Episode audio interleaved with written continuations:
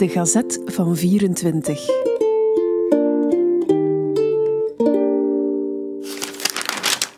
Donderdag 3 januari 1924. In Brazilië overleed voor enige maanden Fernando José da Costa, een rijk mijneigenaar, die 200.000 pond, 17 miljoen frank, naliet aan het eerstgeboren kleinkind. De dochter van de miljonair zou weldra moeder worden.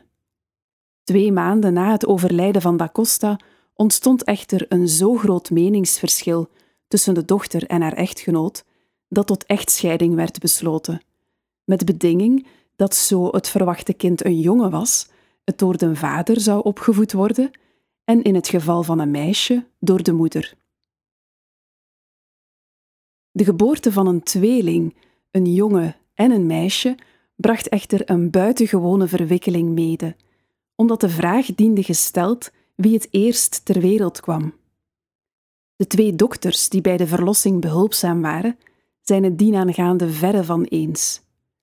Het gerecht heeft dus te beslissen wie de 200.000 pond zal erven.